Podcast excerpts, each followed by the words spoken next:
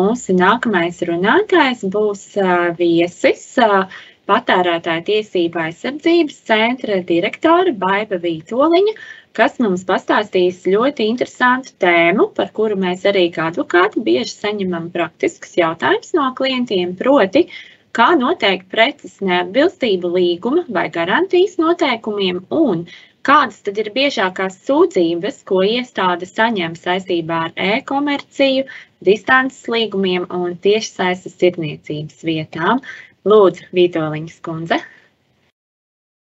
Jā, paldies liels. Um, uh, Mēģināšu šajā īsajā laikā izstāstīt tās galvenās lietas, kas saistībā ar preces atbilstību patiešām šajos, šajos likuma grozījumos ir mainīta. Kaut gan man, protams, jāatzīst, ka grozījumi tiešām ir ļoti plaši, detalizēti, un droši vien mums vēl daudz un ilgi par tiem būs jārunā, lai nu, tā nostiprinātos šī jaunā izpratne un visas jaunās detaļas mēs tiešām ieviestu savā dzīvēm.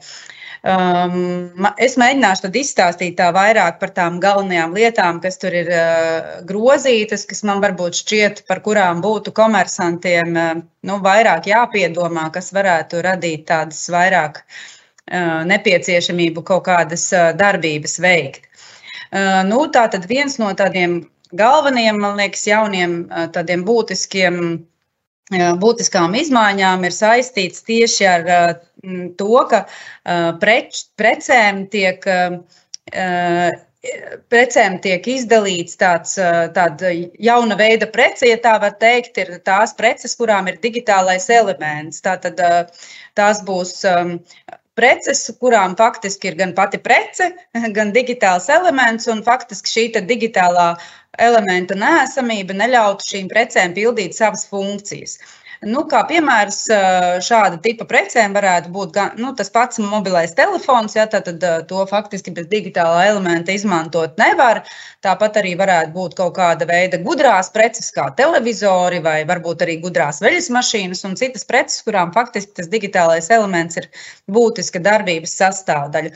Un, tā, šī prece ir īpaši izdalīta, jo attiecīgi arī ir noteikumi tieši par, par, par šo preču atbilstību. Eh, par ko es tālāk izstāstīšu. Eh, vēl viena lieta, ko mm, noteikti jāpiemina, ir eh, pat, grozījuma patērētāja tiesību aizsardzības likuma 13. pantā, kur faktiski, ja atceraties, iepriekš bija tāds vispārējais nosacījums, ka precēm, kurām neatbilstība atklājas sešu mēnešu laikā, ir uzstāms, ka tā eksistē piegādes brīdī, Izņemot, ja komersants pierāda pretējo, vai tas ir pretrunā ar preces raksturu vai neatbilstības veidu. Tātad, piemēram, nu, skaidrs, ka, ja ir sap, nezinu, saplēsta vāze, tas, protams, nav neatbilstība, kas eksistēja pārdošanas brīdī, bet visos citos gadījumos, kad kad tāda strīda varētu būt. Tad tas bija komersanta pienākums sešu mēnešu laikā pie, pierādīt, ka prece uh, nebija neatbilstoša. Šobrīd šis te termiņš ar jauno direktīvu un, un arī ar jauno likumu līdz ar to ir pagarināts uz vienu gadu. Tātad termiņš ir, ir, ga, ir garāks. Ja? Tas, tas tāds, manuprāt, būtiskas izmaiņas. Uh, Un šeit arī precei ar digitālo elementu ir svarīgi arī, ka tas pats attiecās uz šo digitālo saturu vai digitālo pakalpojumu. Arī tam tad attiecīgi ir šī te jānodrošina atbilstība un, jāpierāda visā šajā periodā. Uh, jā, tad, tad nākamās uh, izmaiņas varbūt nav tik būtiskas, bet uh, īstenībā nu, ir būtiski savādāk strukturētas, savādāk aprakstītas, ir tieši tas apraksts, kas tad ir uzskatāms par mm, līguma noteikumiem atbilstošu vai neatbilstošu preci attiecīgi. Tā tad ir vairāki kriteriji, nu, būtībā ļoti līdzīgi iepriekšējiem, bet nu, tomēr atsevišķas, atsevišķas tādas izmaiņas ir. Tāpēc noteikti um, komersantiem nu, būtu jāiepazīstās, kas ir tie galvenie kriteriji, kas pēc kā tad tiek noteikts vai prece atbilst līguma noteikumi. Nu, manuprāt, piemēram, ir svarīgas tādas, tādi kriteriji, kā tas, ka precēji jāatbilst sniegtiem aprakstam, Tātad tas, ko jūs solat par preci, tātad tam arī jāatbilst. Ja nereti īstenībā par to ir bijuši strīdi iepriekš, ja tad, tad sasola kaut ko, bet tas varbūt nekur nav rakstīts. Um, Šim aprakstam arī mutiskam ir jāatbilst. Tāpat ir vairāk jaunu kritēriju, kas saistīti ar to iespēju, ka prece var būt arī ar digitāliem elementiem. Ja? Tātad ir jābūt noteiktai kvalitātei attiecībā uz to funkcionalitāti, sadarbību, sadarbspēju un citām iezīmēm. Um, nu, tad um, no šī varbūt, um, uh, jā, nu, būtībā tās tās galvenās izmaiņas. Nu, varbūt vēl svarīgi arī par precēm ar digitāliem elementiem. Noteikti būs būtiski, ka tā tiek piegādāta kopā ar līgumā paredzētajiem atjauninājumiem. Un ir arī speciāls regulējums tieši uz šiem atjauninājumiem. Tā tad pārdevējiem ir jāinformē par, par, par šo te par to, kādiem, kādi atjauninājumi ir jāveic, īpaši drošības atjauninājumi. Un uh, tikai tajā gadījumā, ja patērētājs pats šos atjauninājumus neinstalē, un tas, neno, un tas nenotiek tāpēc, ka, piemēram, viņam ir sliktas instrukcijas vai nav bijusi informācija, tikai tajā gadījumā pats patērētājs būs atbildīgs par kādu neatbilstību, kas vēlāk atklāsies. Tā kā ļoti būtiski ir tieši šī um, digitālā elementa atjaunināšana un arī attiecīgi patērētāja informēšana par nepieciešamību šos atjauninājumus instalēt atbilstošai darbībai. Um, vēl viena lieta, par ko es īpaši gribēju kā, norādīt, ir tieši saistīta ar uh, pieminēto komercgarantiju vai komercgarantiju. Tātad šobrīd likumā ir uh, jauns jēdziens, tiek lietots uh, kā komercgarantija, tad vairs nevis garantija. Un tas mērķis, kāpēc tā tika darīts, ir, um, ir uh, tieši tas, ka mm, līdz šim bieži vien gan tirgotāji, gan pār, patērētāji ļoti jauc šos jēdzienus. Daudz cilvēku uzskata, ka kāpēc man nedod divu gadu garantiju, ja tā kā sajaucot šos divus jēdzienus kopā, kas ir likumiskās patērētāja tiesības uz prasījumu tiesībām divu gadu laikā par par faktiski defektu, kas eksistē pārdošanas brīdī, jaucot to ar, ar tādu dokumentu par kaut kādu īpašu garantiju, ja, ar kaut kādām īpašām lietām. Ja. Šobrīd tas ir skaidri definēts kā komercgarantija, lai to atšķirtu no likumiskās garantijas. Nu, cerēsim, ka tas palīdzēs. Nav jau, protams, tāds garantijas, ka ka tas līdzēs šos jēdzienus nejaukt, bet tas, manuprāt, būtu ļoti svarīgi. Uh, šo jēdzienu saprast, ka tās komercgarantijas ir tomēr kaut kas tāds, kas, kas atšķirās no likumiskajām tiesībām, un kas ir pats svarīgākais, ka šajā garantijas dokumentā, komercgarantijas dokumentā tagad nu, nav atļauts. Tur ir svarīgi uzsvērt, kādas ir patērētāja tiesības saskaņā ar likumu un ka garantītās tiesības neietekmē. Tā, tā ir tāda būtiska lieta, lai patērētāji netiktu maldināti par tās garantijas, garantijas jēgu.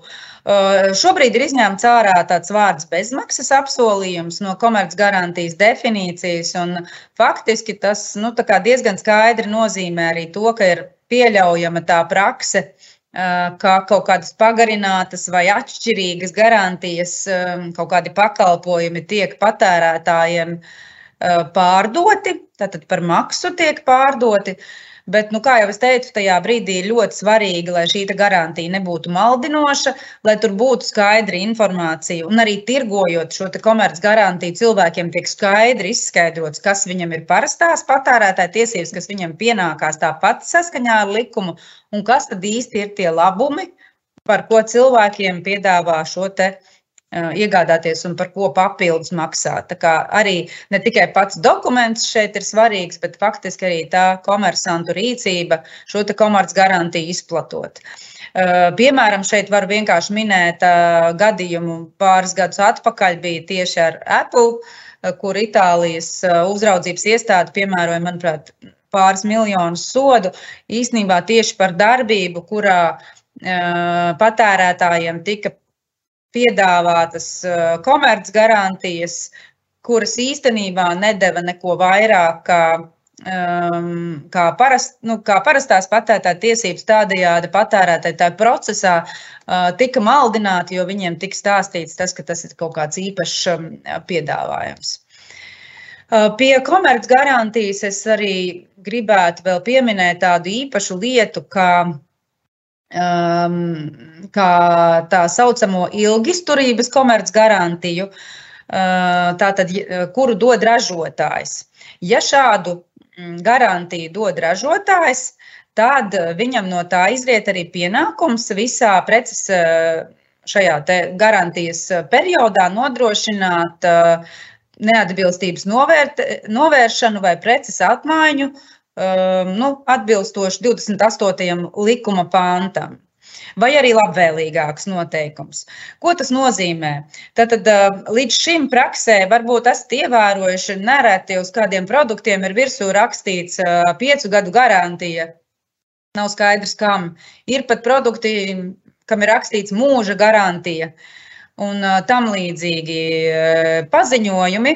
Tātad šī regulējuma mērķis ir no šādiem paziņojumiem izvairīties, Savukārt, ja tādi paziņojumi tiek sniegti, tad ir uzlikts pienākums nodrošināt šo neatbilstības novēršanu vai maiņu visā attiecīgajā periodā. Tad ļoti uzmanīgi aicinam pieiet šim te, šim te uzdevumam un skatīties, lai nebūtu saukļi par garantijām, kas īstenībā nav nekādas garantijas.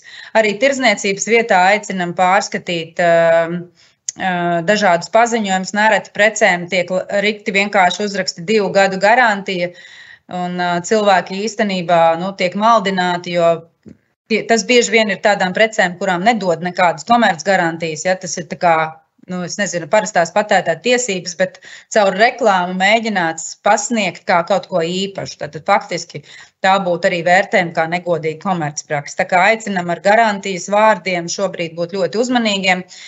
Mums arī pašiem vakar bija iestādē seminārs, un viens no jautājumiem šķiet bija, vai tad jāpārtais tagad visas garantijas vārds, garantija jāmaina uz komerc garantiju. Es domāju, ka nē, protams, ka pats vārds nav svarīgākais, bet tomēr ir būtiski šī atbilstība šiem kritērijiem, lai, lai arī nemaldinātu patērētāju. Nosaukums noteikti nebūs svarīgākais kritērijs.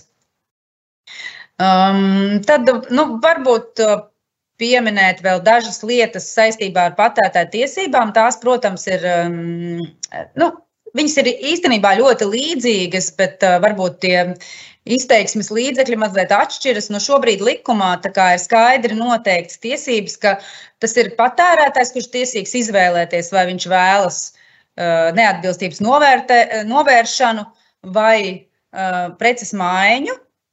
Uh, tomēr jāsaprot, ka tā, gadījumos, kad šī te, nu, kāds no tiem gadījumiem ir nesamērīgs, teiksim, pārāk dārgs, salīdzinot ar otru vai tam līdzīgi, tad, protams, pārdevējs var arī atteikt. Tā kā, nu, it kā ir tās izvēles tiesības, tomēr tās, tām jāpieiet ar tādu uh, saprātu. Un, eh, nu, pareizais, protams, vienmēr ir vienoties par eh, abām pusēm pieņemamu un izdevīgāko risinājumu.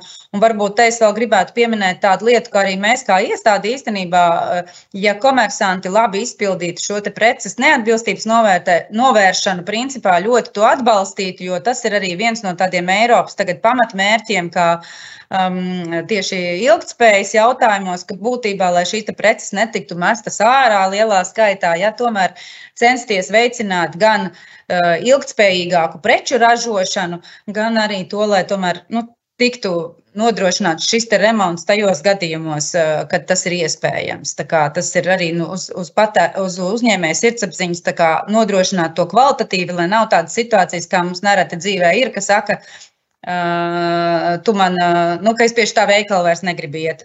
nu, tā. Tas būtu būtiski. Tad arī jauns tāds pienākums ir patērētājiem nodot preci pārdevējiem neatbilstību novēršanai. Tas mums arī bieži vien radīja diskusijas, jo patērētājs teica, es viņam neko nedošu. Tā. Tā tas tomēr ir pienākums un patērētājiem pārdevējiem ir tiesības pārliecināties. Un tad, pat cik laiks ir īsts, tad es varbūt vēl gribētu pieskarties um, vēl vienam punktam no patērētāja tiesība aizsardzības likuma, faktiski diviem punktiem, kas, manuprāt, ir ļoti būtiski pārdevējiem. Par tiem būtu ļoti rūpīgi jāpadomā sava prakse. Tātad šobrīd 28. panta 9. daļa nosaka, ka tās preces, kas neatbilst līguma noteikumiem, pārdevējs uh, nogādā trūkumu novēršanai vai maiņai uz sava rēķina. Un tikai tad, ja atsakās, tad patērētājs pat var pats nogādāt un vēl pieprasīt, lai viņam šo maksu sēdz. Tātad, principā, ja patērētājs vēlās, lai pārdevējs, nezinu, brauc atpakaļ salūzušai veļas mašīnai vai kādam citam, tad īstenībā tas ir pārdevēja pienākums. Līdz ar to mēs noteikti aicinātu pārdevējus pārdomāt savas iekšējās procedūras un nu, izstrādāt labu mehānismu, lai šo nodrošinātu, lai nebūtu pēc tam, piemēram, situācijas, ka jums piestāda liels rēķins par, par piegādi. Ja? Tā kā pārdomāt, kādā veidā tiks šie strīdi risināti, ja patērētāji tās preces nevedīs paši. Ja? Protams, tas ir nu, jautājums, cik liels tās preces. Es pieņemu, ka lielā daļā gadījumu cilvēki jau, protams, tāpat vērsīsies un atnesīs paši to preci, bet gadījumos, kad tas nenotiek, tāds pienākums ir uzlikts. Un otrs būtisks pienākums, par ko ir jāpārdomā, jāpadomā arī. Pārdodot preces, ir tas, ka ir papildus pienākums, ja, piemēram, cilvēks ir jau flīzes, piemēram, iestrādājis un konstatējis neatbilstību tikai tajā brīdī, kad tās jau ir uzliktas uz sienas, tad īstenībā arī visas izmaksas, kas saistītas ar preces, preces šo te noņemšanu un atbilstošu uzstādīšanu arī būs jā, jāmaksā komersantam. Un tāpēc mēs ļoti aicinātu arī, nu, teiksim, Praksē ir bijuši gadījumi, šis tieši bija no Eiropas tiesas lietas vienas, kur atšķīrās krāsas, ja tad, tad dažādas, man šķiet, tajā lietā bija dažādas krāsas, piedomāt pie tā, lai arī pārdodot patērētājiem preces, lai nu, tiktu pārbaudīts, ka tā prece atbilst un uh, veicināts viņam arī paskatīties, vai piestāv pirms to preci. Uh, pirms to preci uzliek. Tas varētu būt tāds noteikti, um, noteikti manuprāt, tāds gana dārgs pienākums uh, komersantam, kas arī nu, vajadzētu būt, ka veicina tādas atbilstošas preces sniegt patērētājiem. Jā, nu, es Tas būtu tas galvenais, ko es gribēju pastāstīt no, no šī likuma, pat cik man laiks arī ir, ir beidzies. Tad ļoti īsi varbūt par tām pamatu sūdzībām, ko mēs saņemam. Jāatzīst, ka šobrīd tiešām distances tirdzniecība ir viena no tām galvenajām lietām, kur daudz ir, ir strīdi. Un, un tie galvenie varbūt viens, protams, ir nepa, ne, katrs gads mums neviens nepaiet bez tādiem komersantiem, kas pēc kāda laika nepiegādā vienkārši apmaksātas preces tādas, tā saucam par krāpnieciskiem internetu veikaliem, tomēr arī, arī tādi jau ilgtermiņā darbojošies un it kā šķietam uzticami internetu veikali ļoti bieži pārkāpj šos te sākumā sasolīsus termiņus, bet pēc tam nepiegādā šajā termiņā. Tāpat novērot ir arī tāda lieta, ka ļoti slikti komunicē ar patērētājiem. Patērētājs samaksā, bet viņam neko neatbild, kāpēc preces piegāda kavējās vai tam līdzīgi. Tā kā ļoti slikta šī komunikācija. Neatmaksā atteikumu tiesību gadījumā 14 dienu laikā. Uh, Un uh, vēl viena lieta ir saistīta tieši ar uzturu bagātinātāju. Mums ļoti daudz ir par šiem te telefonu zvaniem, kur uh, cilvēki nesaprot, um, ka viņiem piezvanot, viņi it kā noslēdz ilgtermiņa līgumus kā, uh, par dažādu uzturu bagātinātāju ilgstošu piegādi. Uh, tie var būt tādi galvenie, kas mums ir uh, saskatīti. Uh, Un, nu, vēl es pati no savas puses gribētu tādu ieteikumu komersantiem teikt, kas man šķiet eh, novērojams no manas prakses. Eh, uzņēmumi nereti sūdzās, ka tās distances eh, atteikuma tiesības ir ļoti labas patērētājiem, šausmīgi izdevumi komersantiem, ko es varu daļēji arī saprast.